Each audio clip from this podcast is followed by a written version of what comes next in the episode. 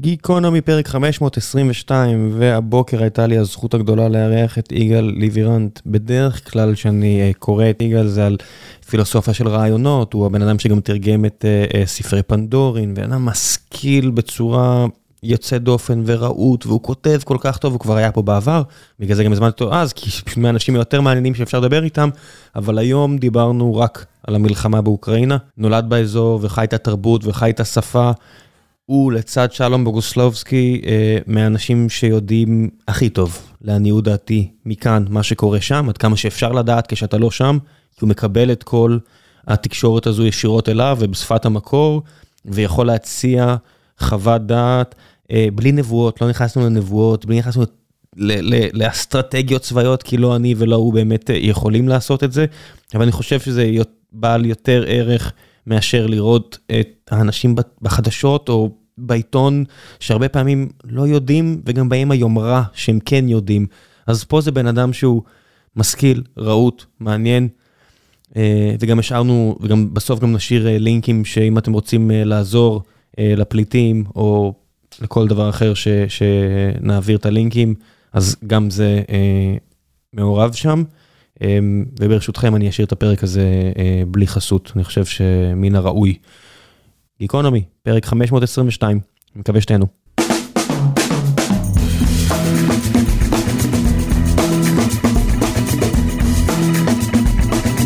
גיקונומי, פרק 522, והבוקר יש לי הזכות לארח את יגאל ליברנט, אחד מהפרשנים האהובים עליי, לכל דבר האמת. יוצא שאתה כותב על לא מעט נושאים, אבל כשזה מגיע למזרח אירופה, רעיונות ומלחמה, יוצא שאתה אפילו עוד יותר מעניין מהרגיל, אז בוקר טוב. בוקר טוב ראם, תגיד לי, להיות פה. מה הסיכוי שבדרך למוסקבה, בנט חשב לעצמו לעשות כמו בחולית, לשים משהו בשן ולהגיד, טוב, אולי, אולי אני רק צריך לפתור את העולם מהסיפור הזה וזהו. נשבע לך שבדיוק על זה אני חשבתי אתמול בשנייה ששמעתי. בדיוק המחשבה הזאת עברה לי, זה, הוא צריך לעשות uh, דוכס לאו ולפתור את, uh, את העולם מהצרה הזאת ו... ולתת גם ליאיר קצת, אתה יודע, לתייג את טיפונת. שפעם אחת יהיה פה ראש ממשלה חליפי שאשכרה נותן לשני והוא לא פרס. כנראה זה האופציה הכי טובה שלו, לא?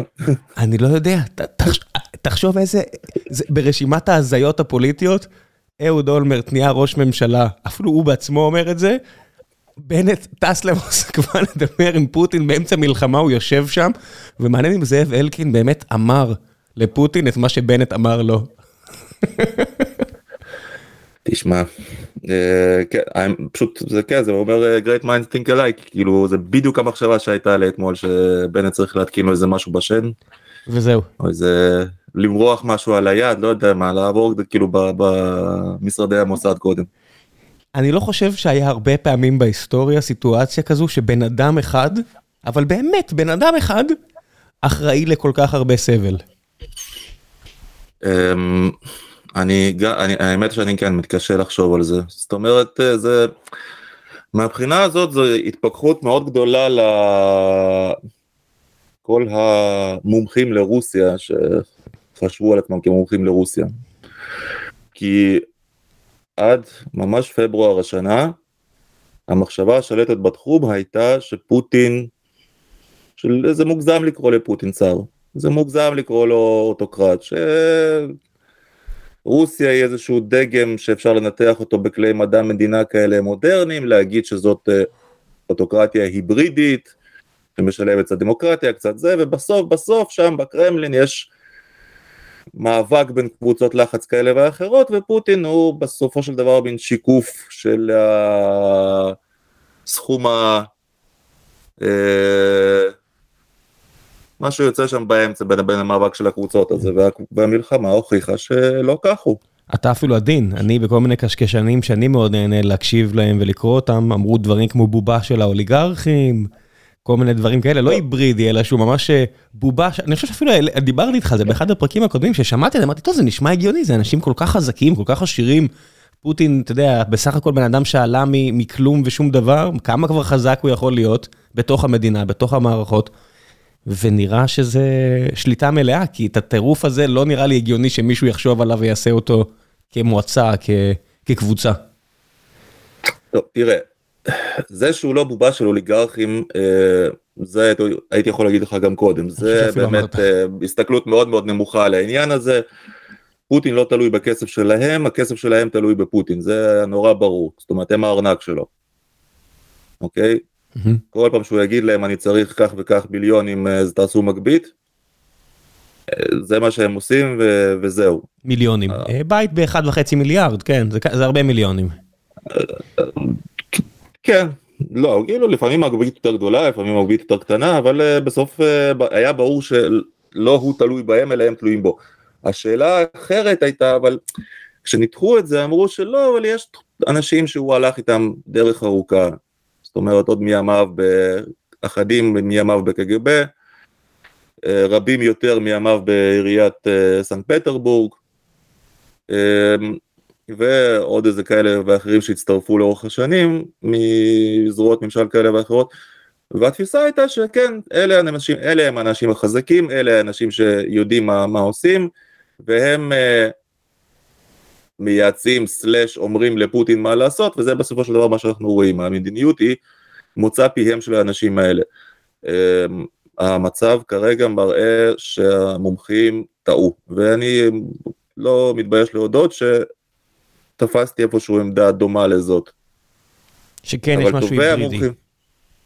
שזה משהו של קבוצות לחץ וקבוצות מאבק, שזה נקרא בשפה המקצועית מאבק בין מגדלי הקרמלין, אתה יודע, בקרמלין יש כמה מגדלים כאלה, אז כביכול מגדל אחד משקף דעה כזאת, מגדל אחד נגיד יותר ליברלי, זה יותר שברני, זה יותר ככה, זה יותר ככה. והמאבק ביניהם, ובסוף מה שפוטין אומר זה התוצאה של המאבק ביניהם. לא, לא. כן, אבל בסוף גם צריך לא בסוף, אבל אני מניח, כמי שהוא מתגאה, שמעתי אותו מדבר, או לפחות הוא אומר את זה, לא אין אה, סמארטפון, כמו שליברמן ככה מחזיק את הנוקייה שלו, אין לי סמארטפון. זאת אומרת, מישהו מזין לו את המידע הזה. התפיסת עולם של פוטין בסוף מבוססת על אנשים שאמרו לו, תקשיב, יש לך צבא מטורף, מטורף, הווגנרים האלה שמתו בסוריה זה סתם, זה לא החבר'ה שלנו, זה משהו אחר. החיל האוויר שלנו מדהים, הבחור הזה שם שאתה רואה באוקראינה עם קרס, ו- ואז אתה רואה אותו ליד אסד, ואתה אומר, כן, הסתירו את זה ממנו, שזה הטייסים שלו, שזה, ה- שזה הגנרלים שלו, כל מיני... אה... אבל מישהו עשה את זה. מישהו הסתיר מפוטין, זאת אומרת, יש פה איזושהי מומנטום שדחפ, שדחפו, זה כמו שגם היטלר, בסוף, היה לו גנרלים מדהימים, או מאונשטיין ופון משהו וכל מיני כאלה שכן כבשו את פריז, שכן רצו לעשות את זה. היטלר לא זה שנלחם בסוף. פה זה נראה שאפילו הצבא יוצא לדרך והוא לא רוצה לעשות את זה. כן, אז בוא, כאן שווה לעשות באמת את ההפרדה בין זה שפוטין מחליט לבד, והוא מחליט לבד כנראה, לבין זה שבאמת אה, הוא מנותק מהמציאות והוא תלוי במידע שמזינים אותו. זה, שתי הטענות האלה הן נכונות. אמ, לפני כמה חודשים היה ראיון מאוד מאוד מאוד ארוך, משהו כמו חמש וחצי שעות, אה, אצל אחד המראיינים האוקראינים הגדולים, אה, גורדון, אוקראיני יהודי כזה, שראיין בחור בשם סרגי פוגצ'וב, שהיה אחד הבנקאים הראשונים ברוסיה, כאילו הפוסט סובייטית, היה מאוד מקורב לחוג הממש קרוב של ילצין, לביתו ולבעלה שהם אלה ששלטו בסוף בגישה אליו. אה, מילא שורה של תפקידים גם בממשל של ילצין אה, והיה זה ש... אני לא אגיד אחראי, אבל היה אחד האחראים להבאתו של פוטין בתור יורש, ובילה עם פוטין שתי קדנציות ראשונות, ואז כאילו הוא הסתלק מרוסיה וחי עכשיו בצרפת. אז היה ראיון של חמש וחצי שעות, שבו הוא מתאר מי זה פוטין ומה זה פוטין ואיך פוטין חושב ומה פוטין עושה. אמ, עכשיו הבן אדם יש לו יש לו hedged to bear עם פוטין כאילו יש הוא כרגע מתמודד בהאג מול 15 מיליארדים שרוסיה החרימה לו. יש לו עוד קצת אה, אצלו שם במערב אבל 15 מיליארדים הוא כרגע נמצאים כרגע במשפט. כן זה לא סכום שאתה אבל... יכול להגיד כפרה העיקר שאני בחוץ. כן. אז אה, אז יש לו כאילו סיבות להיות לא אובייקטיבי ולפעמים שומעים שהוא ככה מחליק פה ושם, בטח כשמדובר בעסקים שלו, אתה מבין שבנקאי כן. משנות ה-90 העסקים שלו לא התחילו בצורה הכי כשרה שבעולם. אבל אה, המון ממה שהוא נשמע, נראה נשמע נורא נורא הגיוני למה שאני ידעתי לפני זה, והפרטים הקטנים האלה שבהם הוא מתאר את פוטין, הם נשמעים נכונים כי אני שומע אותם ממקורות אחרים. למשל, דיברנו על המידע של פוטין, הוא אומר פוטין, יש איזו תפיסה נורא מוזרה לגביו שהוא קורא, שהוא כאילו לא משתמש באינטרנט אבל הוא קורא. הוא לא קורא, הוא אומר, הוא לא קרא, אני מכיר אותו, עבדתי איתו ממש מקרוב עשור יותר, הוא לא קורא כלום, הוא לא קורא briefing של עמוד וחצי של... שמודפס, ב, אתה יודע, גופן כפול, אה, גופן 12 כפול, ברווח כפול, כמו מה שאמרו על הוא לא טראמפ. קורא את זה. אלא אם כן רשום לא- בג- בגדול טראמפ, הוא לא יקרא את זה. יכול להיות, אז פוטין לא קורא, אתה, אתה בא אליו עם אה, דף כזה של אה, דף וחצי, אתה אומר לו תקרא את זה, הוא אומר, עזוב, תגיד לי, תקצר, תסכם, אמלק. Uh, זה פוטין, אז, והוא אומר שפוטין גם נוטה להסכים עם האחרון שנכנס אליו, כלומר, אין בעיה, הוא לא יגיד לך לא, הוא, הבעיה שלו שהוא תגיד אם לך כן, הוא יגיד כן גם לבן אדם הבא שייכנס. ובסופו של דבר אתה לא יכול לסמוך על uh, זה שזה שתוכנית מתוחכמת שתוציא אל הפועל היא זאתי שתתקבל כי בסוף זה האחרון שנכנס. עכשיו שוב, אתה יודע, צריך לקחת את כל הדברים האלה עם, עם כפית של מלח, אבל כשאני מתאר לעצמי עכשיו את פוטין, אני מתאר לעצמי בן אדם שאומרים לו רק מה שהוא רוצה לשמוע, שאומרים את זה בקיצור נמרץ, שבאמת יש לו חסך משוגע של מידע לגבי מה שקורה אצלו בפנים בה, בתוך הארץ, מה שקורה אצלו מחוץ לארץ, מה שקורה באוקראינה. הוא לא הפנים, גם אחרי שמונה שנים של מלחמה, הוא לא הפנים שאוקראינים לא רוצים להיות רוסים. ואת הזרעי תמיכה או חיבה האחרונים של האוקראינים ההיסטוריים האלה לרוסיה, הוא הצליח לעקור בתוך ימים אחדים. אז uh, אני חושב שכל הסיפור הזה היה טעות, אני חושב שהוא עדיין לא קולט שזו טעות, כי לא מספרים לו. עד כמה המצב גרוע. כן. אני חושב שאיפשהו אה, בכלא ברוסיה יושב אדם שאומר פספסתי בשנה? זה היה שנבלני היה צריך אה, עכשיו לעשות את הדברים שלו? זאת אומרת, זה היה, לא שהוא יכול לדעת, זה לא שאפשר לתכנן, אבל האם עכשיו יש סיכוי שיבוא מישהו כזה עם כריזמה אה, וכן יצליח לעשות משהו? כי יש, יש כוחות הרי ברוסיה, יש כוחות אנטי-פשיסטים, יש כוחות אנטי-פוטיניסטים ש, שלא רוצים את זה, שלא מסכימים לזה. אבל אני מניח שעכשיו בלי טוויטר ובלי אה, אה, רשתות חברתיות ובלי טלוויזיה בכלל, יהיה הרבה יותר קשה לארגן משהו. אמ, לא, אז לא- זה לא, אם אתה תיזכר שלפני שנה דיבר, כתבתי על זה בפייסבוק שלי, אני הייתי נורא נפעם מהתעוזה של נבלני, כן. אבל אני כתבתי ישר מה יקרה, כן? אמרתי, אני נורא, כש- כשארק הודיע על ההחלטה שלו לחזור, אמרתי, אני נורא מבואס מזה. אני מת על האיש, אני חושב שהוא חכם, אני חושב שהוא אמיץ, אני חושב שהוא מה שרוסיה צריכה, אה, וזקוקה לו, באמת הוא דמוקרט אמיתי וכל הדברים האלה. having said that, לא חשבתי שיש לו סיכוי כלשהו בתנאים הקיימים. כשהתחילו ההפגנות שנייה אחרי שהוא נעצר, אתה יודע, התלהבתי מזה, זה מלהיב לראות את זה שאנשים יוצאים והיו הפגנות יחסית גדולות. בוא נזכור שזה היה חורף רוסי חזק ואנשים יוצאים לרחובות שם. והולכים מכות עם שוטרים. לא רק מקבלים, הולכים מכות עם שוטרים, אנשים שאתה אומר, אוקיי, יש פה, אתה יודע, בקטנה, זה עוד פעם, זה רוסיה היא מאוד, אה, היא מאוד לא אוקראינה מהבחינה הזאת של ללכת מכות עם שוטרים. זה האוקראינים נורא צוחקים על הרוסים, שכאילו, אצל הרוסים יכול להיות מצב שבו עומד המון, ונכנסים לתוכו 20 שוטרים, תופסים מישהו, מכים אותו ומצליחים להוציא אותו מההמון. באוקראינה אין שום סיכוי שדבר כזה יקרה, לאוקראינים זה פשוט לא יעלה על הדעת. השוטרים לא יעזו לעשות את זה, אבל גם אם הם יעזו, ברור נורא שכאילו ההמון פשוט לא ייתן להם לקחת את הבן אדם. להפך, יהיה יהיה להם מזל אם הם יצאו משם. כי התרבות הרוסית-אוקראינית העכשווית כל כך שונה, כי האתוס אחורה כל כך שונה, כי השוטרים שונים. הכל נכון, בעיקר אם הייתי צריך להגדיר את האתוס האוקראיני, הוא אנרכיסטי. הוא לא, הוא פשוט לא אוהב ששולטים עליו.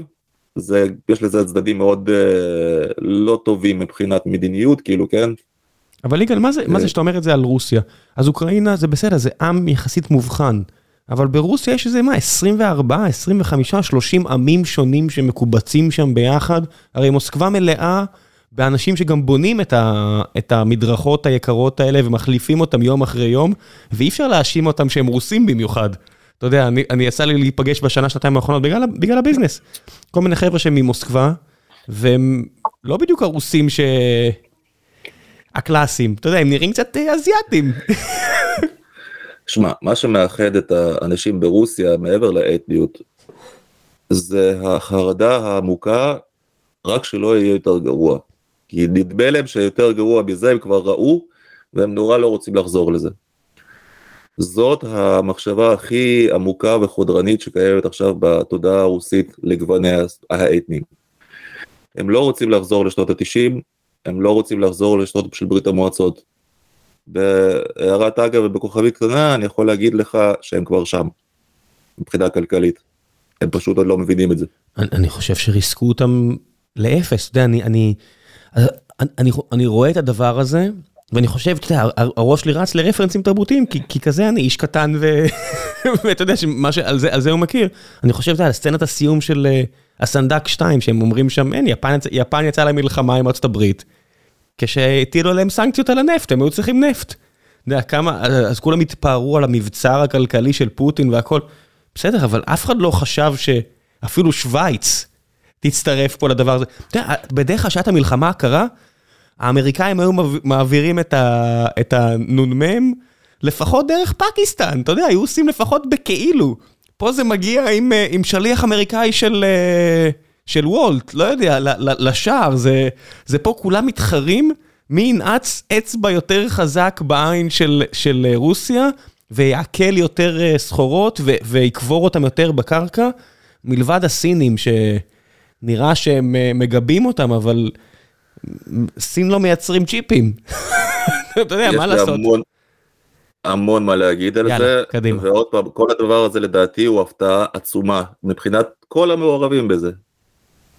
כלומר, עוד פעם, אם היית שואל אותי חודש אחורה, נגיד אם הטילו על רוסיה סנקציות רציניות, האם היא תעמוד בזה, הייתי אומר לך לא, היא לא תעמוד בזה, אבל מי יטיל על רוסיה סנקציות רציניות, כולם כל כך תלויים ורוצים להרוויח ממנה.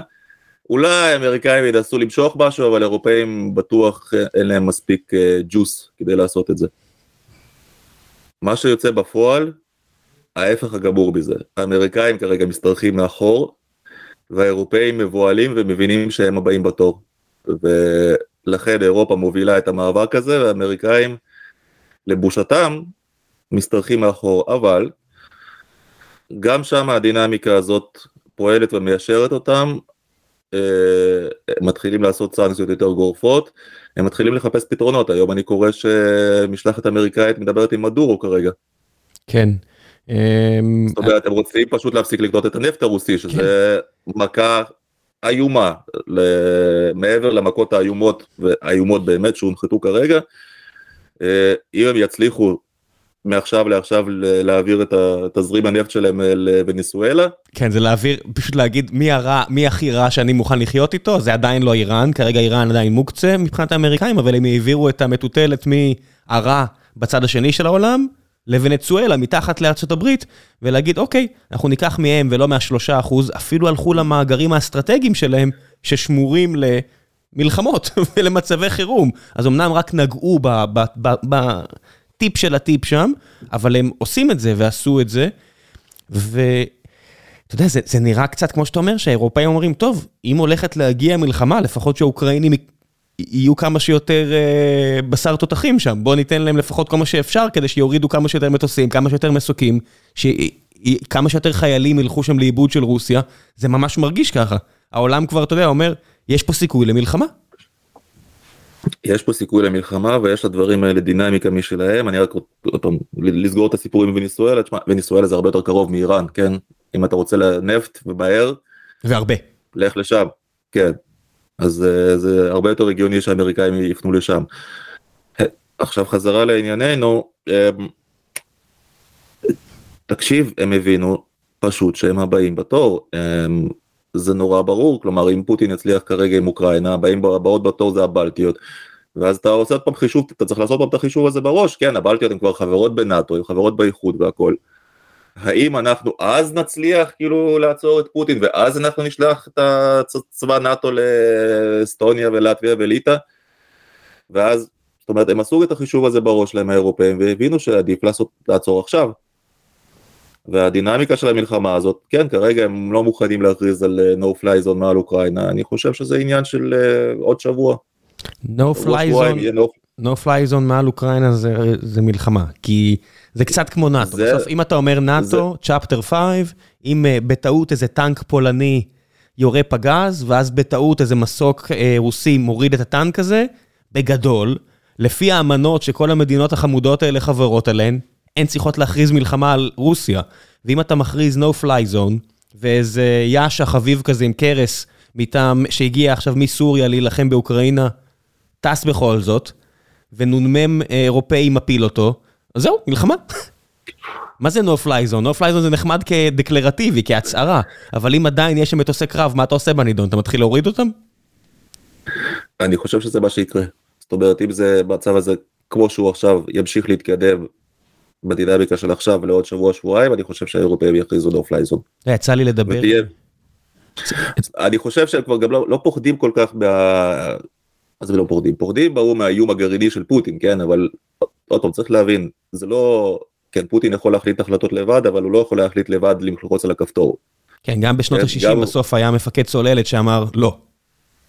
כן אז יש את זה ויש שם מערכת שלמה של אה, דרגים שזה צריך לעבור דרכם. והסיכוי לזה הוא כלום ושום דבר, שזה יעבור באמת, כן, עם כל השליטה של פוטין בסיפור הזה, וזה שאף אחד לא מוכן להגיד לו לא. אבל גם פוטין צריך להגיע למסקנה שהוא לוחץ על זה והוא מוכן להקריב את עצמו להיות, אה, לא יודע מה, אה, היטלר, באמת, זאת אומרת, שימות העולם ואני איתו. כן, וזה לא, זה אפילו לא, לא היטלר, זה אחד פלוס. זה לא פוטין, זאת אומרת פוטין הוא מהבחינה הזאת זה לא האופי שלו, הוא לא מוכן להקריב את עצמו לכלום ושום דבר. אגב, אנקדוטלי, שמת לב אתמול הייתה הגיחה הראשונה שלו מהבונקר? לא. השיחה לא עם, השיחה עם בנט בעצם? לא, השיחה עם בנט אני לא יודע איפה התקיימה, אבל סוג של בונקר. Uh, אתמול פוטין כביכול יצא ודיבר עם דיילות אוויר אה, אתה מדבר, האצבע עוברת דרך המיקרופון של זלנסקי. איי וואלה. כן. איי וואלה, כן. איזה מביך, למה הם חייבים להביך כל הזמן, הרוסים? למה הכל מביך? למה הכל מוגזם, אתה יודע? למה הם היו צריכים להגיד דנפיקציה, נאציפיקציה, ולא להגיד אנחנו אנטי נאטו, אתה יודע? הם אפילו לא נותנים אפשרות לחשוב שזה רציונלי, הבן אדם, מי שלא יודע, תספר, וידאו של פוטין. אה, למה אתה מתכוון? אמרתי תספר אני אני קפצתי הרסתי אה אוקיי אז אתמול אתמול אתמול כביכול התקיימה פגישה שפוטין יוצא להראות שהמצב הכל בסדר שותים במצב. הוא יוצא לאחד הדברים שראש ממשלה או נשיא עושה בדרך כלל נפגש עם דיילות אוויר ומדבר איתם על הבעיות שלהם או ווטאבר ומקדיש את הפגישה גם לדבר על המצב אה, הנוכחי על המבצע וכל מיני דברים כאלה. תוך כדי הפגישה רואים שהיד שלו עוברת דרך המיקרופון של השולחן והדיילות האלה מסתכלות במבט ככה קצת אה, אטום, זאת אומרת הן לא רואות אותו. מדובר בהקרנה, כן? מדובר בהולוגרמה שהתקינו על השולחן שסביבו יושבות הדיילות ויש שם כיסא ריק באמצע שבו כביכול יושב פוטין אבל פשוט רואים שהאצבע שלו, היד שלו עובר דרך המיקרופון של השולחן. ותוך דקות לא ספורות לא כולם קולטים את זה, וזלנסקי כמו גאון קומי מיד משתמש בזה כדי... אה, אני האמת לא ראיתי איזה שימוש עשה בזה זלנסקי, אבל... אה, אה זלנסקי זה... סיים, זה... סיים את הנאום שלו אתמול, הוא היום בבוקר, סיים, הסתכל למצלמה, שם את האצבע על המיקרופון, והזיז אותו הצידה. והסתכל למצלמה וככה הוא סיים. זה היה, רק היה חסר שהוא יעשה כזה עם הידיים כזה, ככה קדימה ידיים כמו הבחור הזה מטיק טוק, ויגיד, מה הבעיה? הנה, אני רק מזיז טיפה את, ה... את המיקרופון. הוא סיים ככה את הפגישה והסתכל למצלמה, ואתה אומר, אלוהים אדירים, זה, זה, זה פארסה, זה קומדיה, זה מה קורה פה? רק שזה נורא ואיום, כי, אתה יודע, זה ממש חשבתי הבוקר על, על, על, על גרניקה, ככה קוראים לעיר הזאת בספרד? אה, שהפציצו אותה? גרניקה, גרניקה כנראה. ואתה יודע, ב-37 הנאצים עם הספרדים הפשיסטים מפציצים כדי לבדוק את ההפצצות האוויריות, כדי לראות מה קורה, איך זה שאנשים נשרפים בכביש. ו- וזה מרגיש לי היום, זאת אומרת, גם משיחה שעשיתי עם, אה, עם טייס קרב, איש יקר, שאומר לי, כולנו מסתכלים על אה, מה שקורה עם ה-S300 באוקראינה.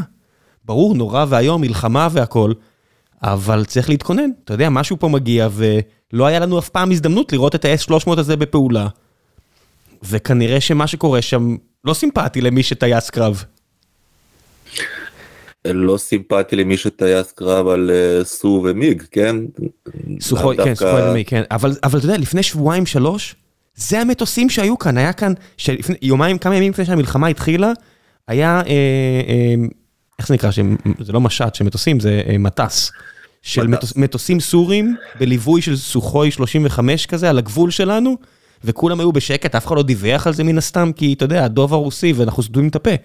אבל כולם מסתכלים עכשיו, ואתה אומר, שמע, זה, זה משנה סדרי עולם הדבר הזה. כל מי שנשען על רוסיה אומר לעצמו, זה לא טוב מה שקורה פה. אה, כן, זה לא טוב. תקשיב, היום, אם אני לא טועה, היום שר החוץ של סין יצא בהודעה שהמצב באוקראינה הוא מוגזם, צריך אה, לקחת אחורה. כן, אתם לא ה בעלי ברית שהבטחתם לנו. כן, עכשיו, אה, אתה יודע, סינים being סינים, אתם יכולים להגיד פה אחד אומר כזה דבר, פה שני יגיד כזה דבר, אתה לא יודע מה קורה שם מתחת לשולחן או מאחורי הקלעים, אבל הנה יש לנו כבר הצעה ראשונה של סין בעניין. שמגיעה יום אחרי שהם אה, אוסרים שידורי פרמייר ליג, הם העלימו את המחזור בפרמייר ליג, כי בפרמייר ליג האנגלי אה, העזו לצאת נגד אוקראינה, אתה יודע, הסינים חשבו שזה כמו עם ה-NBA. שיצאו נגד הונג קונג, אז הם יוכלו פשוט לכופף את הידיים, אבל אתה רואה שהמערב עם העניין הזה עם אוקראינה, זה לא כמו הונג קונג. הם אומרים לו זה נחמד מה שקורה באסיה, אבל פה זה באירופה. זה לא... יש דרג ויש זרג. אה, כן. שוב, זה לא לא כוחות, אתה כן? לא יפה להגיד, אבל זה מה שקורה פה. שאתה יודע, זה קרוב לאירופאים, האירופאים, כמו שאתה אומר, אני לא יודעת כמה הם אה, אמפתיים וכמה הם מבינים שהם הבאים בתור. קודם כל זה ברור שהקרבה היא מאוד חשובה, וזה זה סופר קרוב, אין, אין דרך ל, ל, ל, ללכת סביב זה, אירופאים מרגישים שהם ממש הבאים בתור, אחרי זה בלטיות, אחרי זה פולין, אחרי זה זה מגיע אליהם. עזוב את ה... ופליטים, אוקראינה זה מלא אוקראינים, אתה יודע, עובדת שלנו, מנהלת במחלקת אה, מחקר ופיתוח אצלנו, רואים אותה בפגישה, רואים אנשים ברקע, מי אלה? פליטים. היא, אתה יודע, היא גרה בהונגריה, עכשיו בעלה שם לומד רפואה, והם הולכים להתנדב. יש גבולות להונגריה, לסלובקיה, זה אומנם גבולות קטנים, אבל כולם עם הגבול, עם המדינה הענקית הזאת, עם אוקראינה. מגיעים אנשים, אתה יודע, מגיעים אנשים מסכנים שברחו. בהחלט, יש שם המון אותם, יש המון ישראלים שנוסעים לשם. המון ישראלים. אני במקרה, בגלל שאני כותב על זה הרבה ואיכשהו כמות מסוימת של אנשים קוראת אותי. אז פונים אליי בשאלות האלה, אנשים שאוספים תרומות לאנשים שמתנדבים שם על הגבולות, כן, כן. גם מבחינת הפליטים.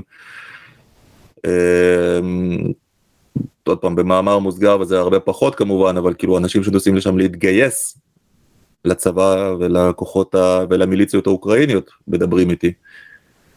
שאני אומר לכולם שמה שהם עושים זה צעד מאוד קיצוני זה משהו שאני אישית לא הייתי עושה כלומר אני להתגייס זה רק פה אבל אנשים נוסעים לשם ואני לא מדבר רק על אה, אתה יודע אנשים עם אה, שורשים רוסים סלש אוקראינים. אני מדבר איתך צברים יוצאי אה, עדות המזרח.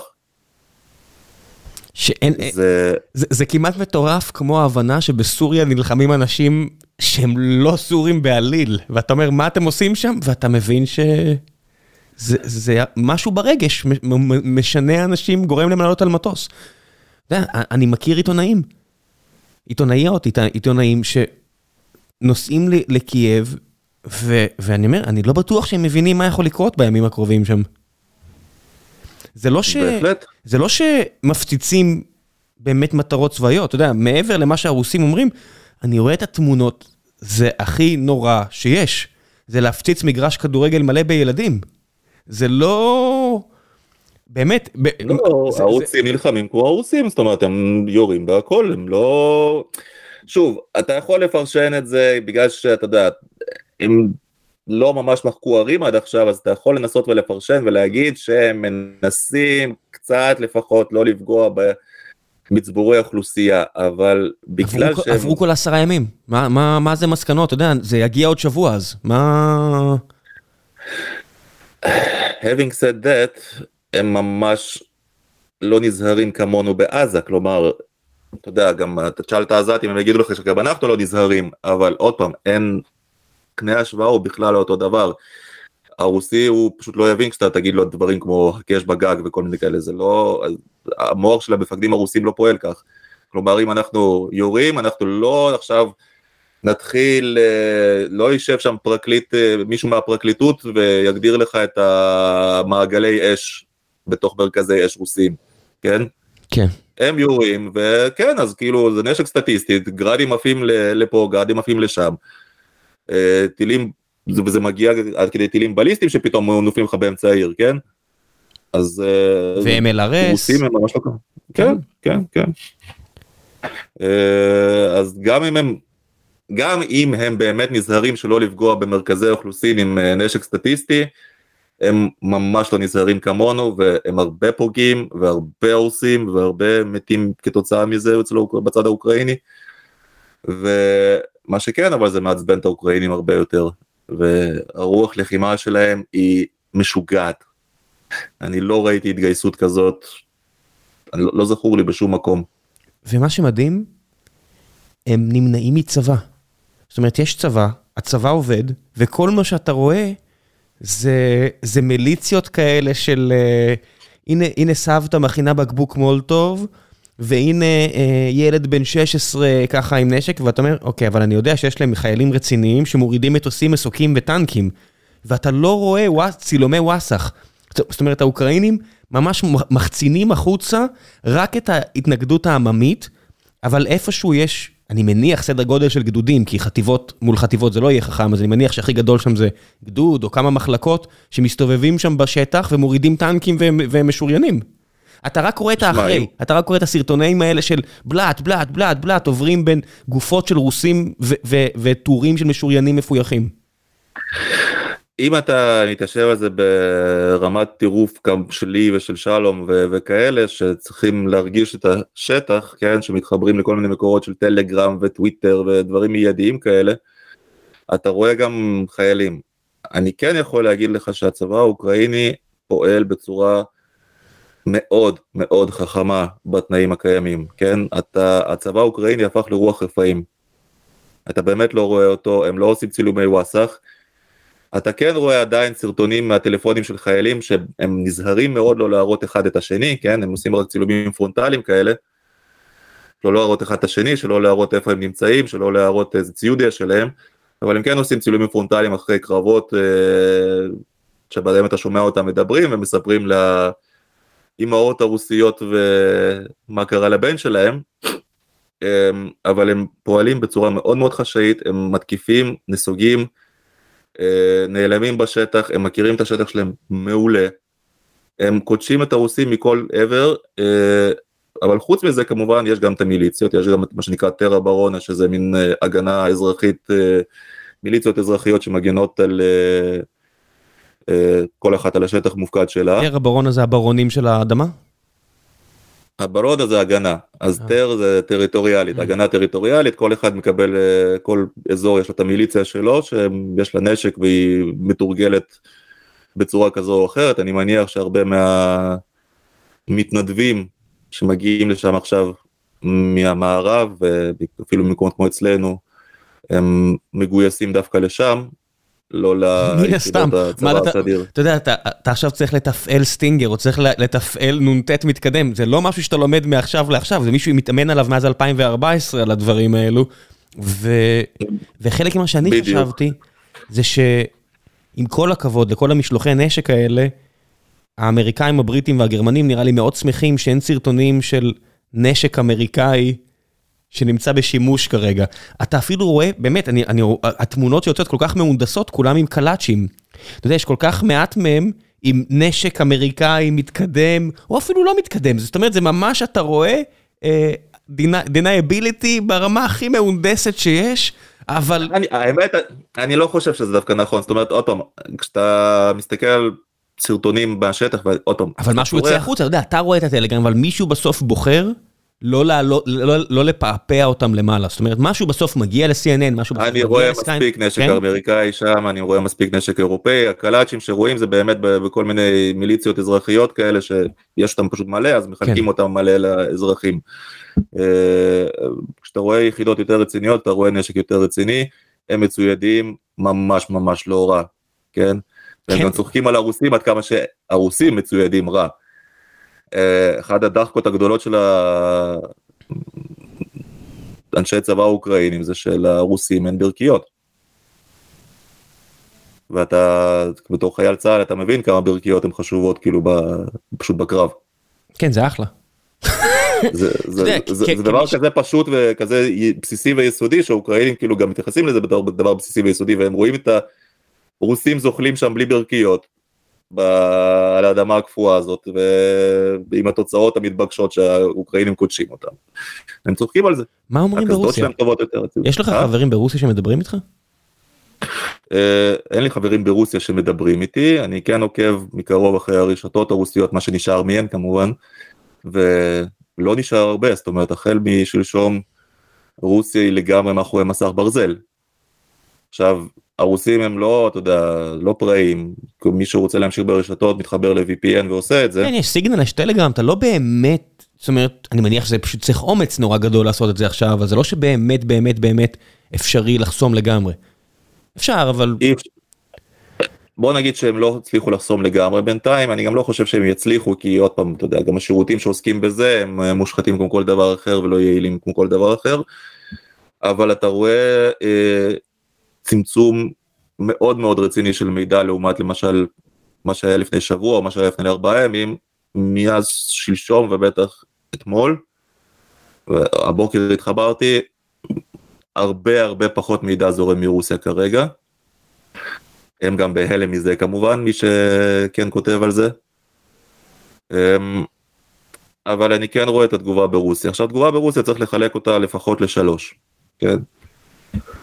יש תגובה ברוסיה של אנשים פעילים, כן? זאת אומרת, אנשים פעילים ברשת, הם בדרך כלל בעלי תפיסות יותר ליברליות, פרו-מערביות, שונאים את פוטין, שונאים את המלחמה הזאת, אז אם אתה מסתכל רק עליהם, יכולה להיווצר האשליה שרוסיה כולה עוד שנייה במהפכה. וזה לא המצב. עכשיו יש את העם אתה יודע, אנשים שאתה לא רואה אותם יותר מדי ברשת, אה, כאלה שלא כותבים על הדברים האלה, הם כמובן הרוב, אה, שנורא קשה להבין את התגובה שלהם. שמאמינים שנלחמים בנאצים? אז אני בטוח שיש בהם כאלה שמאמינים. אני מכיר אחד, אתה יודע, אני, אני אגיד את האמת, אני לא אגיד מי זה כדי שלא יחשדו והכל ומה הקשר שלי אליו, אני מכיר פה מישהו, שאני מכיר אותו כבר 20 משהו שנה, אדם סופר ערכי, מענץ' לאללה, ממוצא רוסי, אה, והוא באמת אה, מאמין.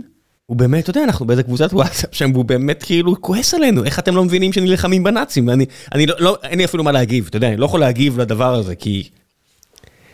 כי אתה יודע, זה, זה כל כך פאר, זה, יש טענות שאתה מסתכל ואתה אומר, מה, על מה אתה מדבר? תשמע, כל הטענות האלה, מה הבעיה איתם? שבכל טענה יש גרעין, כן. גדולה, יש גרעין קטן של אמת, שאותו מוצצים מכל צד. ורק צריך להבין כאילו מה היחס בין הגרעין הקטן הזה של האמת לשקר הגדול שמציגים. מה שאנחנו קוראים לו אמת אובייקטיבית היא נמצאת בדיוק בפער הזה, כן? כן. אז כשאתה אומר אוקראינה היא נאצית, ברור שזה שקר גדול.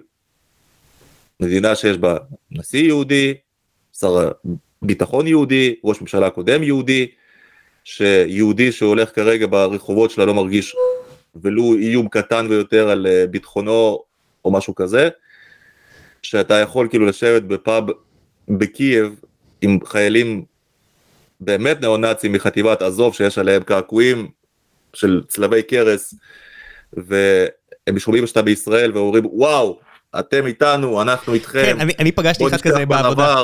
תקשיב יגאל, פגשתי אחד כזה, אה, אתה יודע, כ-CTO של חברה טכנולוגית, הזמן מציעים לך, או לפחות הציעו, כשאוקראינה הייתה בדרך למעלה, מלא מפתחים אוקראינים כאלה. ודיברתי עם איזה אחד מהם בווידאו, ואתה רואה קעקוע שמתחיל ככה בצוואר למעלה, ששחור חזק. אה, ואז ביקשתי ממנו להראות, ואתה רואה שזה קעקוע שמתחיל צלב. הוא סבבה לגמרי. זה כאילו, אתה יודע, זה, זה כמו, אתה יודע, זה כמו שלא יודע, קיין ולסקז רשום לו Brown Pride. אני לא יודע, זה כזה, אתה יודע. אז שוב, אנחנו בתור יהודים וישראלים, אנחנו רואים צלב קרס, זה מעורר בנו את התגובה הטבעית והמתבקשת. וה, והרצון, כן. ו... אבל הדברים האלה צריך עוד פעם להבין אותם מכל מיני כיוונים, כן? זה יכול להיות היה מישהו שבתור בן נוער במדינה אירופאית, עבר את המרד נעורים הזה וקעקע על עצמו את הצלב הזה והיה בטוח במשך uh, שנה וחצי שהוא ניאו-נאצי ומאז הוא בכלל לא שם. זה יכול להיות בן אדם שעשה את הצלב קרס הזה כדי, לא יודע מה, לכבד את זכר רבותינו שלחמו לצד גרמניה נגד הבולשביקים. אה, שכנראה גם אין לו שמץ של מושג בדיוק כמה זמן אבותינו לחמו לצד גרמניה, כי השיתוף פעולה בין הלאומנים האוקראינים לגר... לצבא הגרמני הוא היה מאוד קצר מועד, כן? ובסוף הלאומנים האלה נאלצו להילחם גם נגד הגרמנים וגם נגד הרוסים וגם נגד הפולנים אגב, כן? אמ, יש שם היסטוריה מורכבת, היא נורא כואבת מבחינתנו. אני באמת, אנשים שכועסים על אוקראינים מבחינת זיכרון היסטורי כזה, אני לא מתווכח איתם אפילו. אני, אין, לי מה להתווכח, זה, זה רגש טבעי, זה רגש מובן לי. כשבן אדם אומר, אני כאילו, בראש ובלב אני מבין שאוקראינה המודרנית היא לא שם והיא נלחמת על, על החירות שלה, אני פשוט לא יכול לשים את הדגל האוקראיני הזה באייקון שלי בפייסבוק, כי כי בא ביער. כן. אני מבין את זה ואין לי מה, אין לי שמץ של ויכוח איתו. הכל בסדר, לך על זה, הכל טוב. כן, אגב, שים לב, כל עוד הבן אדם הזה לא... גם באייקון שלי אין דגל אוקראיני, לא בגלל כן. שאני לא אוהב את הדגל האוקראיני, פשוט אני לא, כל התופעה הזאת כן, גם אני, באייקון, אני לא... כן, virtue signaling פחות בקטע, אבל כל עוד הבן אדם הזה שאמר לך את זה, אה, לא קונה חולצה של ביירן מינכן, כן? כי פשוט אה, כל הטהרנות הזו ולהיזכר 80 שנה אחורה, כל עוד אתה באמת אה, לא לובש אוגו בוס, כל עוד אתה באמת לא תיסע על פולקסווגן פולו, כל עוד באמת לא תהיה עם חולצה של ביירן מינכן, בסדר, הכל בסדר.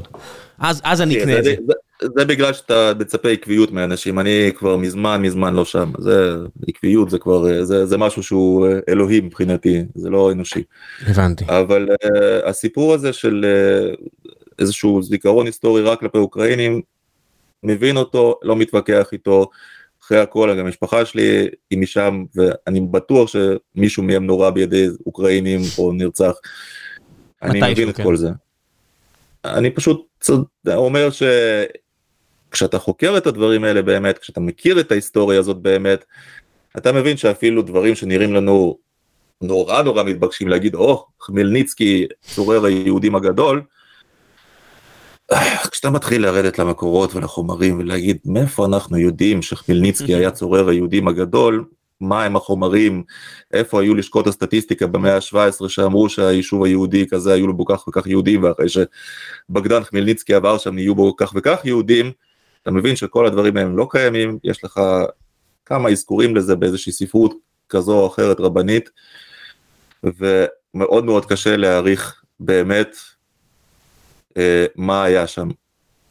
ושוב, זה לא בא להתווכח עם הזיכרון ההיסטורי שלנו לגבי הזוועות שעשו לנו אוקראינים, אני חושב שהאוקראינים עשו לנו זוועות ואין מה להתווכח עם זה, צריך פשוט להבין שהקשר בין זה למה שמתרחש עכשיו הוא מאוד מאוד רופף, ועוד פעם אני פשוט אומר לכולנו, בואו נזכר את הלאום האתני של הנשיא שלהם שהוא לא, לא מסתיר אותו לשנייה. בוא נעשה בוא. לפני שלב השאלות מן הכאן, אני רוצה לשאול אותך רק שאלה אחרונה, אה, מה לכל הרוחות קוראים הצ'צ'נים? מה, מה, מה לכל הרוחות? זאת אומרת, הכל כל כך מהר, מתמונות שלהם מתכנסים, אתה יודע, כולם עם הידיים, כמו איזה מסרט של ואנדאם ביער, ואתה אומר, אוקיי, הם בהחלט נראים כמו אה, עדר של אה, חביב נרמגמדוב כאלה, הם נראים נורא קשוחים, ואז אתה נזכר, כן, גם בחיזבאללה ובחמאס יש אנשים ש... כנראה בתגרה היו, היו הורגים אותי. אבל מה לעשות, צבא זה לוגיסטיקה ונשק ואימונים ומשמעת וכסף וכלכלה ומדינה מאחורה. ואז אתה אומר, הם fucking צ'צ'נים. אתם באמת מסתמכים על fucking צ'צ'נים בתור כוח תוקף ולא מגן? צ'צ'נים הם אה, נדבך מרתק בעניין הזה ויש לי כמה מילים חשובות להגיד עליו. אז קודם כל צריך להבין מהי צ'צ'ניה מבחינת הרוסים, כן? כשאנחנו מדברים על זה שפוטין ניצח את הצ'צ'נים, כן, ועל הניצחון הזה הוא עלה, צריך להבין מה זה ניצחון. פוטין מצא חמולה צ'צ'נית, הצ'צ'נים עובדים בחמולות, כן? טייפים, מה שנקרא, טייפ, לא בצ'צ'נית. אה, הוא מצא את החמולה שנלחמה נגדו והייתה מוכנה לעבור לצד שלו וזאת החמולה מספיק חזקה, חמולת קדירוב, כן? וקראתי את הברית שבסופו של דבר הרוסים די נכנעו שם. הם נתנו לצ'צ'נים, לחמולת קדירוב את המדינה הזאת, אמרו בו תעשו, תעשה שם סדר, תעשה שהמלחמה תיפסק. והוא גייס חמולות אחרות, הם עברו צד לצד הרוסי, כן, באופן הצהרתי, דיכאו את כל השאר, בצורה נורא נורא אכזרית, וכרגע יש להם, כאילו זה מין עזה גדולה, שהיא אה, על הנייר לויאלית לרוסיה. בגדול, לרוסים אין שום שליטה בצ'צ'ניה. בגדול, הצ'צ'נים, האנשים שמקורבים לקדירב, עושים ברוסיה כבשלהם, כלומר צ'צ'נים במוסקבה יכולים פשוט לחטוף בן אדם ברחוב. והשוטרים הרוסים יראו את זה ולא יעשו כלום. למה? מאיפה הם יודעים שהוא, לא, שהוא צ'צ'ני ולא דגסטני? הם יודעים שהוא דגסטני ולא לא יודע מה? הם יתקרבו בזהירות, ההוא יראה להם תעודה של ה-FSB הצ'צ'ני והם ילכו. זה מה שיקרה. אתה מבין? מה?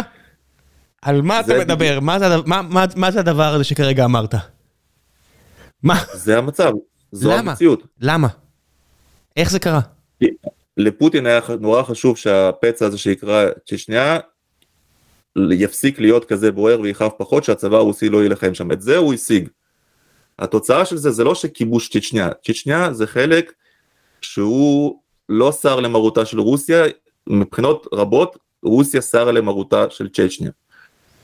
עכשיו במסגרת המלחמה הנוכחית קדירוב אכן הסכים לשלוח כמה אלפי אה, אנשים מהגוורדיה האישית שלו.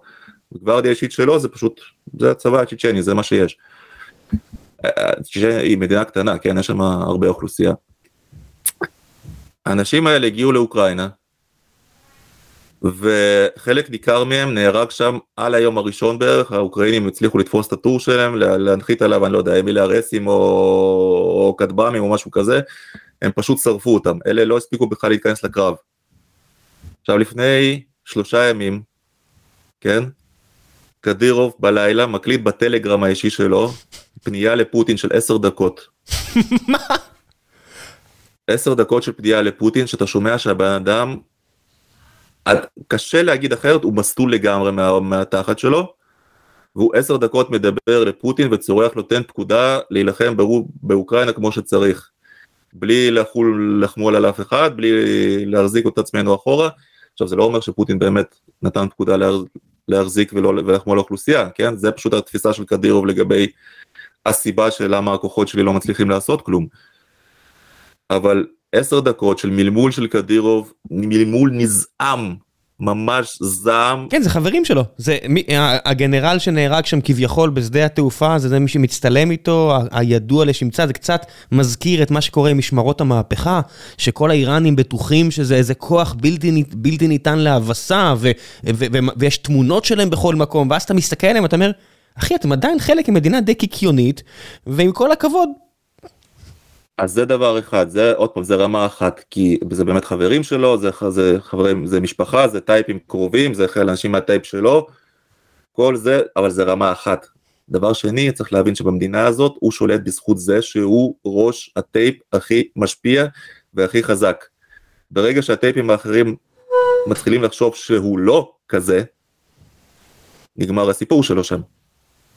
שאפשר כאילו לאתגר אותו ואפשר אה, לצאת נגדו, כי הוא כבר לא נהנה מהקשר הישיר של הכסף של פוטין ולנשק של פוטין וכל הדברים האלה, שהערוץ הזה לא עובד טוב, שהטייפ שלו נחלש, שהוא נחלש, הוא מת. יום למחרת הוא לא שם. זה צ'צ'ניה. זה חברת אה, שבטים בדיוק כמו תימן, בדיוק כמו מקומות כאלה.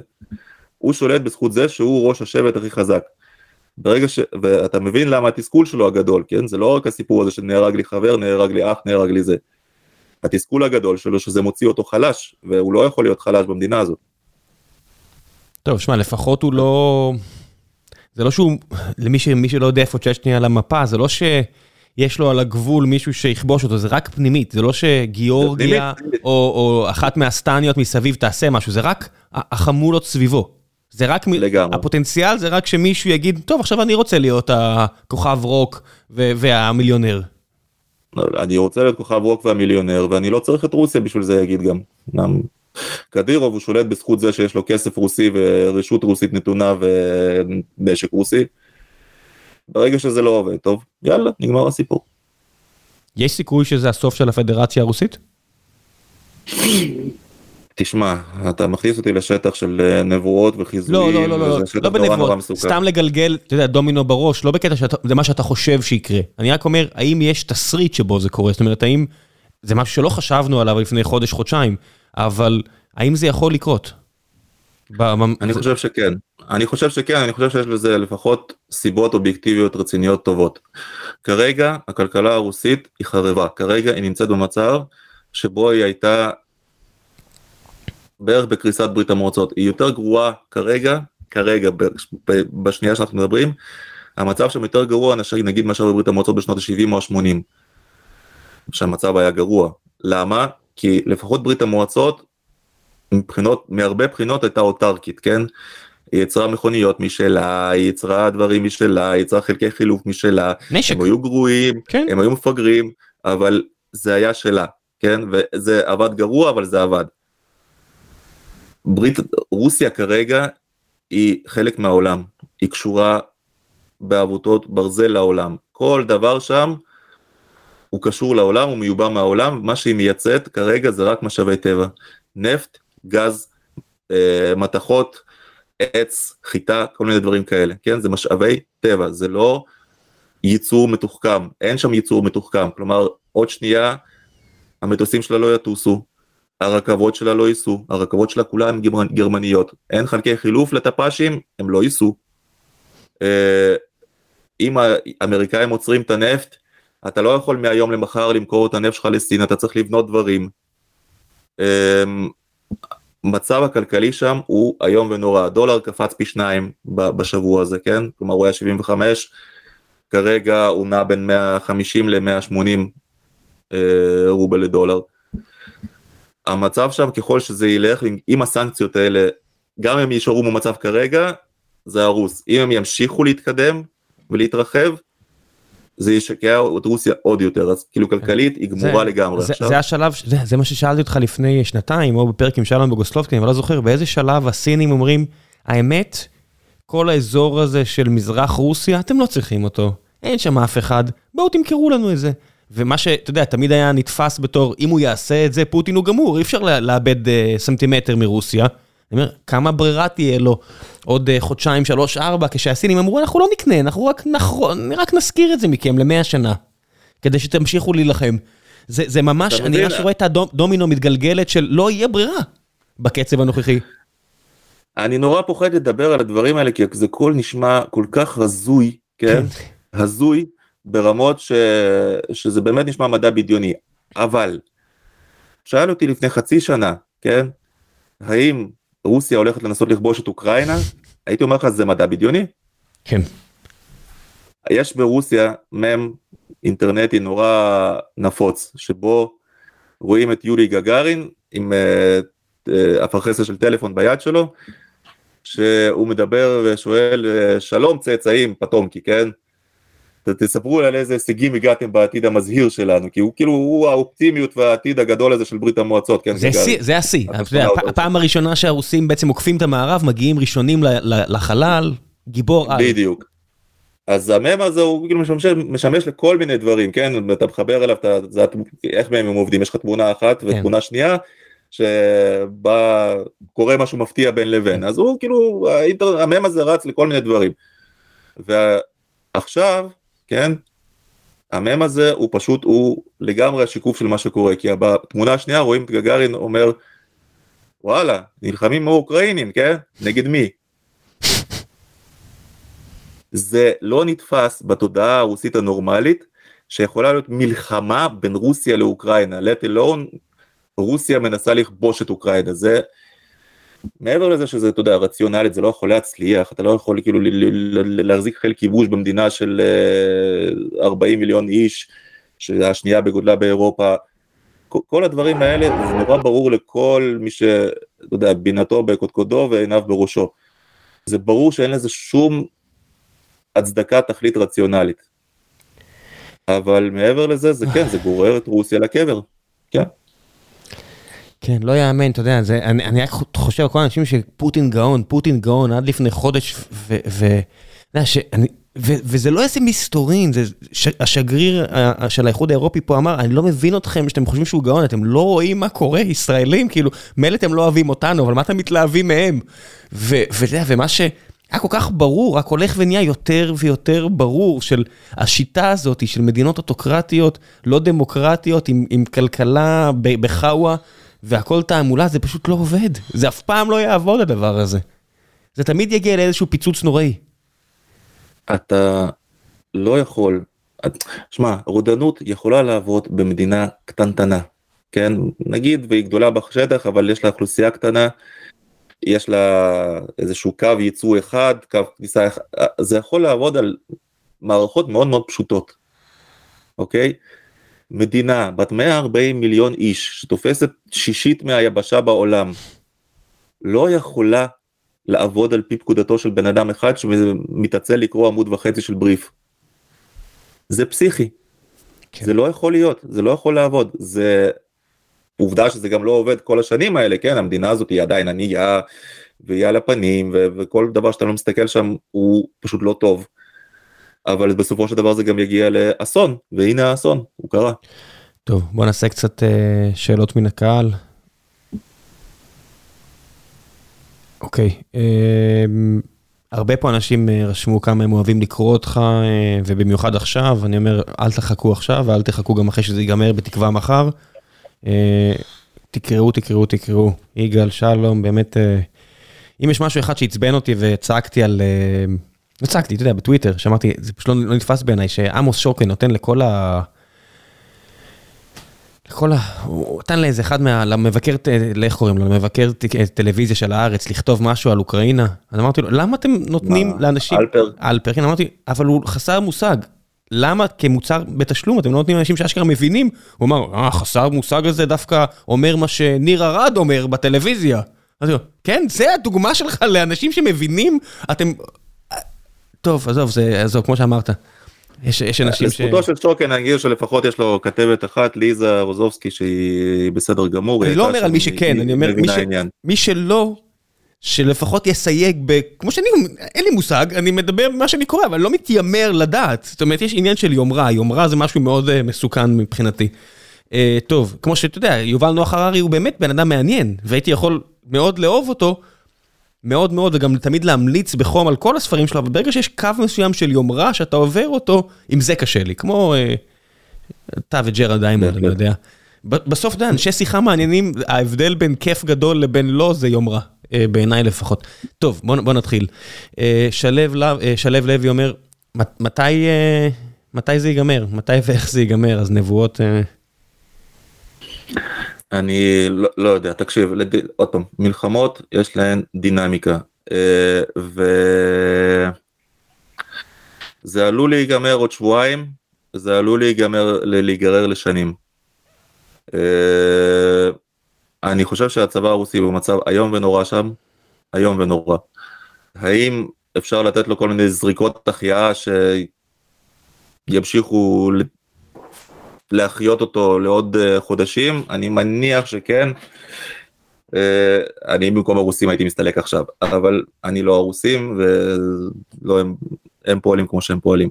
כן. אה, וזה יכול להתפתח, אני אומר לך, זה יכול להתפתח עוד, עוד שבועיים האירופאים יכריזו no fly zone, זה יכול להתפתח למלחמה כוללת בכיף. בכיף. כן. ועכשיו מה שאנחנו צריכים להבין, הדבר האחרון, כן.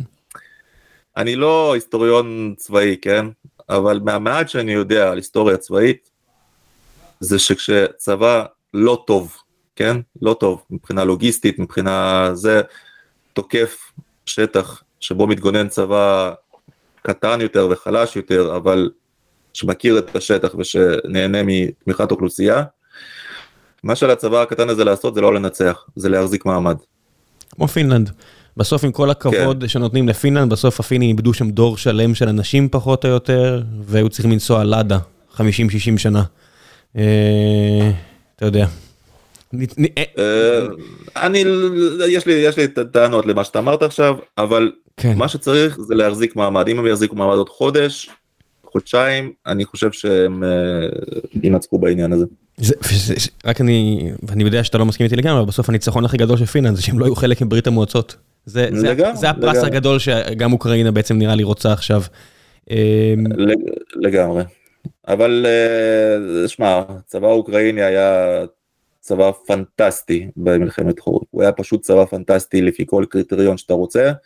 הצבא הסובייטי היה צבא בעייתי מאוד כשהוא תקף, וזה קרה בחורף, בחורף הפיני, היה שם קו הגנה, קו מנרגיים מדהים מבחינת הביצורים, ככה שהרוסים, העובדה שהם הצליחו לפרוץ אותו בסופו של דבר, היא אומרת הרבה על הנחישות של סטלין והמוכנות שלו פשוט להשכיב שם מיליונים, לא מיליונים נשכבו, אבל כאילו עשרות אלפים וזה, אבל גם סטלין בסוף אמר שאוקיי, זה לא שווה את זה ואני אסתפק בחוזה שלום שיבטיח לי כמה דברים שכאילו להציל את כבודי. אה, אז הצב, כאילו המצב שם היה אני חושב טיפה יותר טוב מבחינת הצבא הפיני מאשר לצבא האוקראיני כרגע. ואוקראינה עם כל הכבוד זה לא פינלנד מבחינת האקלים וכל זה. Having said that יש הרבה הגבלות וכמו שהפינים פשוט הצליחו להחזיק מעמד מספיק זמן גם האוקראינים צריכים פשוט להחזיק מעמד מספיק זמן זה הכל.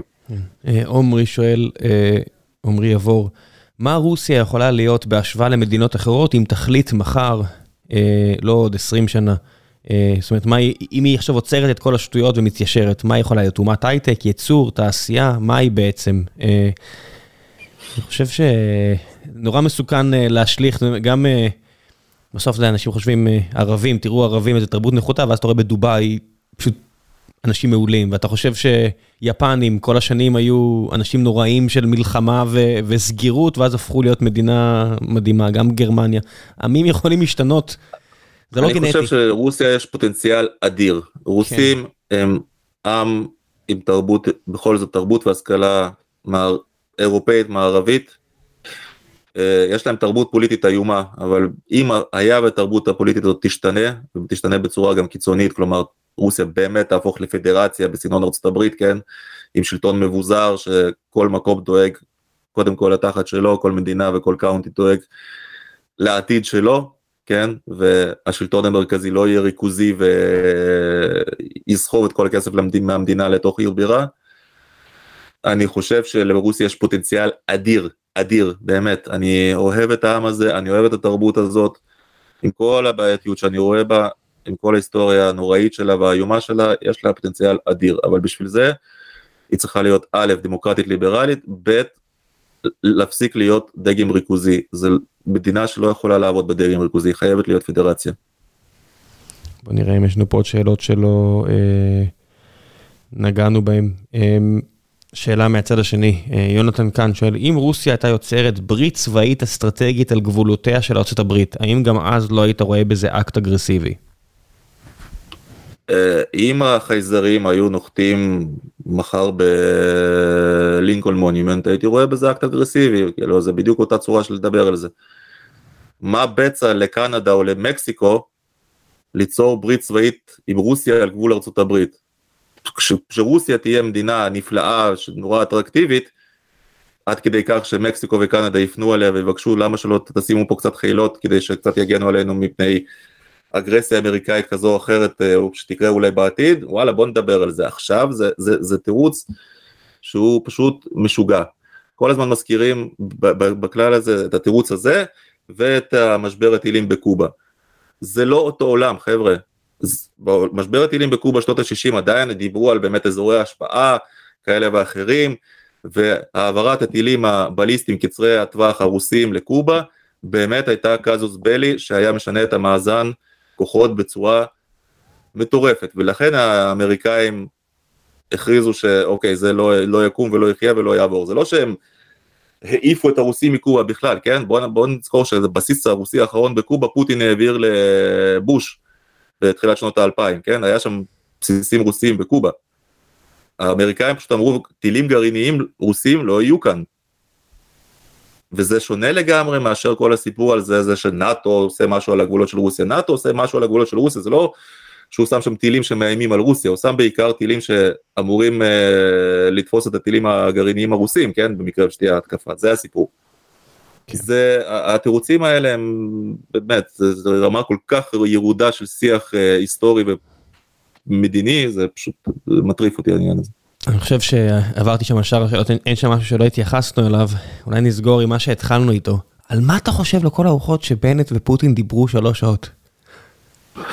אין לו טלפון, אין לו מובייל שהוא יכול לברוח לראות אה, אה, סדרה בנטפליקס, הוא אשכרה צריך לשבת שם ולדבר איתו. על מה לכל הרוחות הם יכולים לדבר שלוש שעות? אין, אין לי מושג, בשביל זה אתה צריך לדעת קודם כל מה מתרחש בראש של פוטין, ובשביל לדעת את זה אתה צריך לדעת מה פוטין יודע.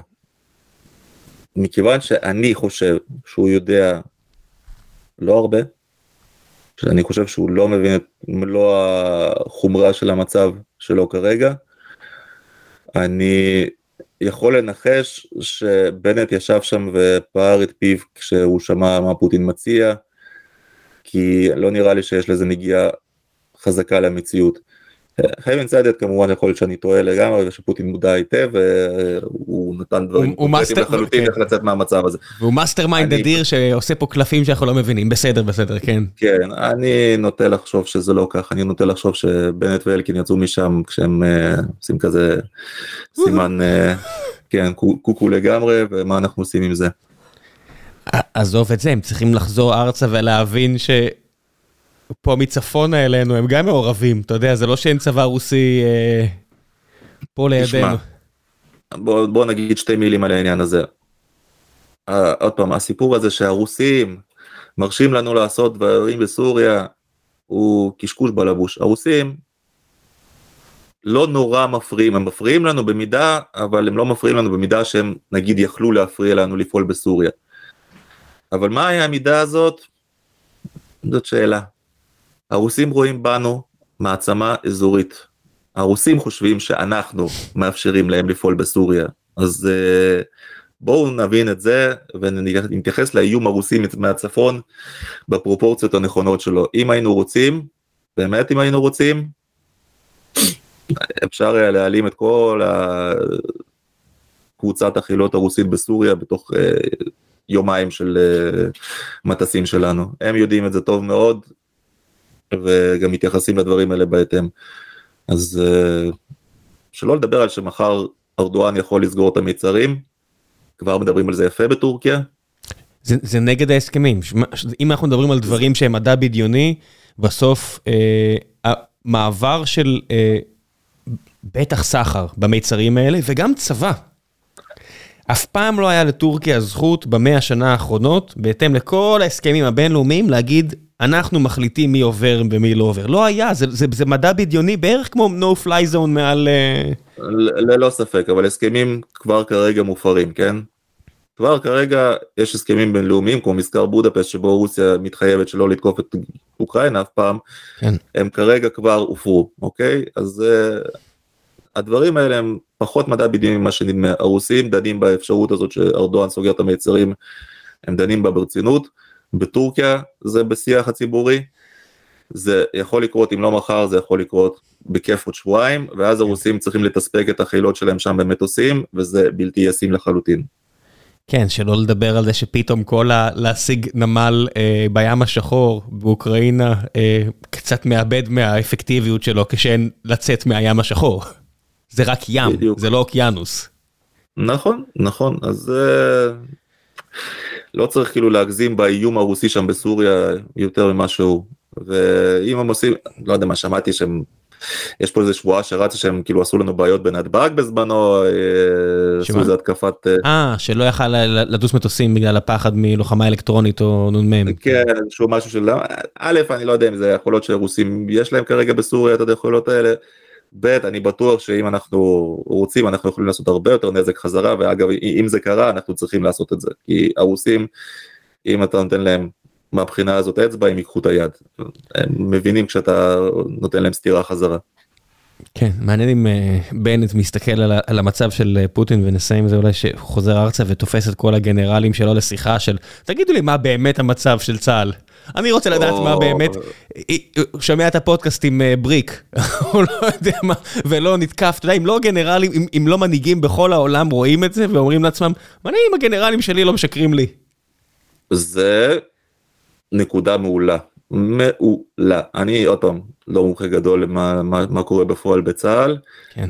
אבל אם זה מה שנדרש כדי לנער את המדינאים שלנו לברר את המצב הזה, וואלה, הרווחנו, באמת. כן, אני, אני באמת חושב שלא יכול להיות שמנהיגים, האמת שיכול להיות הכל, אבל לא יכול להיות שאנשים מסתכלים על זה ולא מבינים שזה יכול לקרות לכולם הדבר הזה. ליפול בשקרים של גנרלים. עניין של רמות, אבל אתה בהחלט צריך להיות מודע איפה אתה ואיפה האנשים מסביבך, כן. אוקיי, uh, לפני שנסיים, uh, המלצות. בדרך כלל הייתי שואל אותך על דברים מעניינים לקרוא, ואולי על איזה פנדורין חדש או דברים כאלה.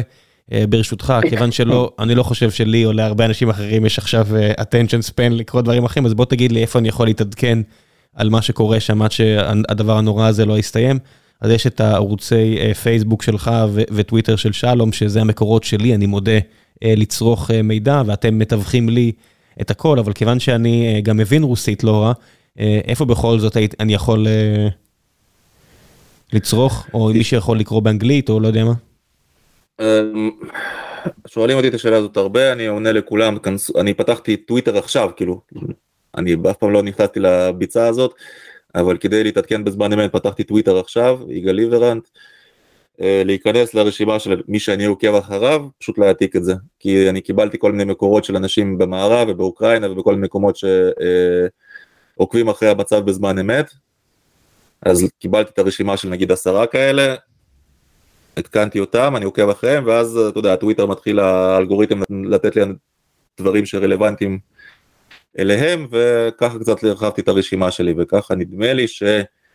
תמונה מהשטח של מה שקורה באוקראינה יש לי, מה שקורה ברוסיה, אני חייב לומר שהמקורות שלי הולכים ונסגרים. אה, אני נורא פעם עקבתי אחרי הרשתות החברתיות של, של הרוסים, זה הולך ונמק ממש משעה לשעה, אז אין, אין לי דברים טובים להגיד על זה. אתה צריך ביוטיוב להסתכל על הערוצים של אנשים שעדיין לא מפחדים לדבר, כמו מקסים כץ, אה, בלוגר יהודי ישראלי רוסי שחזר לרוסיה, הוא, יש לו מה לומר.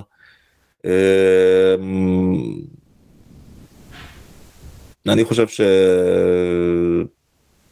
שמבחינת סקירת מה קורה בצד הרוסי הוא כרגע המקור הכי טוב, כאילו בתור סרטון יוטיוב של אה, רבע שעה ביום. אמ, אבל אתם רוצים מצב מהשטח, טוויטר, טלגרם, הדברים האלה, אה, לא קשה לקבל רשימת מקורות שממש עוקבים על זה מקרוב זה כן רק פשוט להיכנס אליי להעתיק את הפולו כן, שלי. רק תכינו את עצמכם שאם זה לא אצל אה, שלום או אצל יגאל בפייסבוק אז תכינו את עצמכם שיש סרטים ותמונות קשים. קשות זה לא זה מלחמה זה לא זה לא משחק זה לא זה סנאפ לא, לא, לא. ברמות הכי רעות שיש. לא, אם אתם לא בקטע לראות קרעי גופות כאילו בזמן אמת שעדיין מעלים עדים של זה בשלג שם אם אתם לא בקטע אז תיזהרו מזה כי יש המון מזה, אני רואה לפחות סרטון כזה פעם ב-20 דקות. כן, אני לא מדבר על החיילים שזה, אה, מן הסתם יש לי הרבה אמפתיה אישית כי, אתה יודע, זה, זה מספיק קרוב לי בתודעה לעצמי, אבל אני מדבר על פשוט אה, אוקראינים, אזרחים, ילדים, הורים, אתה יודע, זה... מגיעים תמונות מאוד מאוד מאוד מאוד קשות, זה מסוג הדברים האלה שאני צריך להימנע כי אני לא יכול לחזור לתפקד אחרי זה, זה לא... בהחלט. מה שכן, בהמלצות, אם כבר אנחנו מדברים, ההמלצות בפעם הן יותר חשובות. אני ממליץ לכל מי שיכול, א', למצוא איפה לתרום. יש המון... אה, בוא נשאיר לינקים, בוא נשים uh, לינקים בדף של הפרק, בוא לא ניתן לאנשים לחפש, שלח לי את כל מה שאתה רוצה, אני אעלה את זה בטח היום בלילה. אה, שלח לי הכל. אני אעשה, מאה אחוז, אז אנחנו נעשה רשימה של לינקים של תרומות, ובכלל זה לא קשה, יש המון המון מתפרסם. לרוב זה דברים דווקא בטוחים, זה לא סכם כל מיני שטויות. לא, זה- פליטים, לעזור לפליטים, כן. כן, לעזור לפליטים, אה, לעזור למי שכאילו כאילו רוצה לקנות ציוד ואמל"ח לזה, כל מיני דברים, יש כל מיני ערוצים של אה, עזרה אפשרית, מההומניטרית נטו ועד אה, פחות הומניטרית. ואז לעלות- ועד לעלות על מדים ולהילחם בצבא אחר. לא, ש- לא, אני ש- חס וחלילה לא ממליץ כן, את זה, אני- אני, כן, חס זה- וחלילה, עובדה שאני לא מעלה את זה על דעתי, אבל אפשר לעזור וצריך לעזור. אתמול פעם ראשונה ראיתי באיזה פרס קונפרנס של, אה, של ה-UFC, מישהו שמדבר, ולא חשבתי על זה שזה יקרה, על החיבור בין הנטר ביידן למצב הזה. אתה יודע, לא, לא, חש... לא חשבתי על זה שיהיה את החיבור הזה, אתה יודע, אני לא מחובר לאמריקאים, אני מודה, אתה יודע, זה חור בהשכלה שלי, אני לא מחובר לאמריקאים בארקנסו. אני לא יודע מה הלך רוח. ומה שהם יודעים על אוקראינה, זה הנטר ביידן עושה עסקים באוקראינה. ולא כן, חשבתי על זה עד כן. שלא שמעתי את המילים האלה נאמרות אתמול, שמבחינת האמריקאים, לא אלה שאני מדבר איתם בסיאטל, ניו יורק או לוס אנג'לס, מבחינתם הסיפור הוא אחר לגמרי יכול להיות, ב fake news שרץ אצלהם. אני חייב לומר שדבר שהכי מצער אותי בהתייחסות לצד שלנו, כן, למערב, לישראל או לארצות הברית, זה הפילוג הזה. אתה רואה כל כך הרבה פילוג בעניין הזה. כלומר, אתה, מצד אחד נדמה שכן, המערב התאחד כמו שלא התאחד אף פעם, וזה נכון, זה נכון. אבל בתוך האיחוד הזה יש המון המון פילוג, והייתי גם רוצה, שוב, יש לי המון ביקורת נגיד על ביידן, כן, אני לא טראמפיסט גדול, אבל אני, בבחירה בין טראמפ לביידן אני לגמרי טראמפ. having said that, מה שהטראמפיסטים קיצוניים, כן, מנצלים את המצב הזה ומנגחים בביידן ובממשל שלו, במקום כאילו להתרכז, לרכז מאמץ ולהכריח אותו לפעול, אה, זה נראה לי הרסני. אותו דבר אצלנו, כן, כשאנשים, אה, אה, שתחת תחת הכותרת הזאת ביביסטים, כן, מנצלים את המצב הזה כדי לנגח את הממשלה כרגע ולצחוק עליה ומאמצים שלכם עלובים והמערב הוא עלוב וזה וזה וזה ורק ביבי יכול. אני הצבעתי נתניהו עשרות שנים כולל בבחירות האחרונות. אני מאוד מחבב את האיש, עם כל, יש לי ביקורת, באופן כללי מאוד מכבד ומחבב, אבל העניין הזה של הביביסטים הכבדים האלה שכאילו, שים לב שנתניהו כן, הוא שותק, שותק על, שומר על שתיקה אסטרטגית נבונה, אבל האנשים האלה שכאילו חושבים שהם אה, חסידים שלו, והשטויות שהם כותבים ברשת, ומנצלים את המצב הזה כדי לנגח את הממשלה ו- ו- ולסכל ולשים מקלות בגל- בגלגלים, זה מאוד מאוד מגעיל אותי. כאילו אנשים, אתם חושבים שאתם uh, בעד דמוקרטיה ואתם בעד uh, מערב ליברלי, ואתם זה, אני לא מדבר על תחשבו ביקורתי, לא מדבר על uh, אל תחפשו איפה יש תעמולה מערבית מוגזמת, בסדר גמור. יש. יש. אבל יש פה, אם יש מצב שבו יש באמת בני האור מול בני החושך, כן, הקירוב הגדול שלו, זה כרגע שם, ואני לא מדבר על בני החושך בתור רוסים, כן, אני אוהב את הרוסים, אני מאוד מאוד רוצה שהעתיד שלהם יהיה טוב, אני מאוד רוצה שההווה שלהם יהיה טוב, אבל בטח העתיד.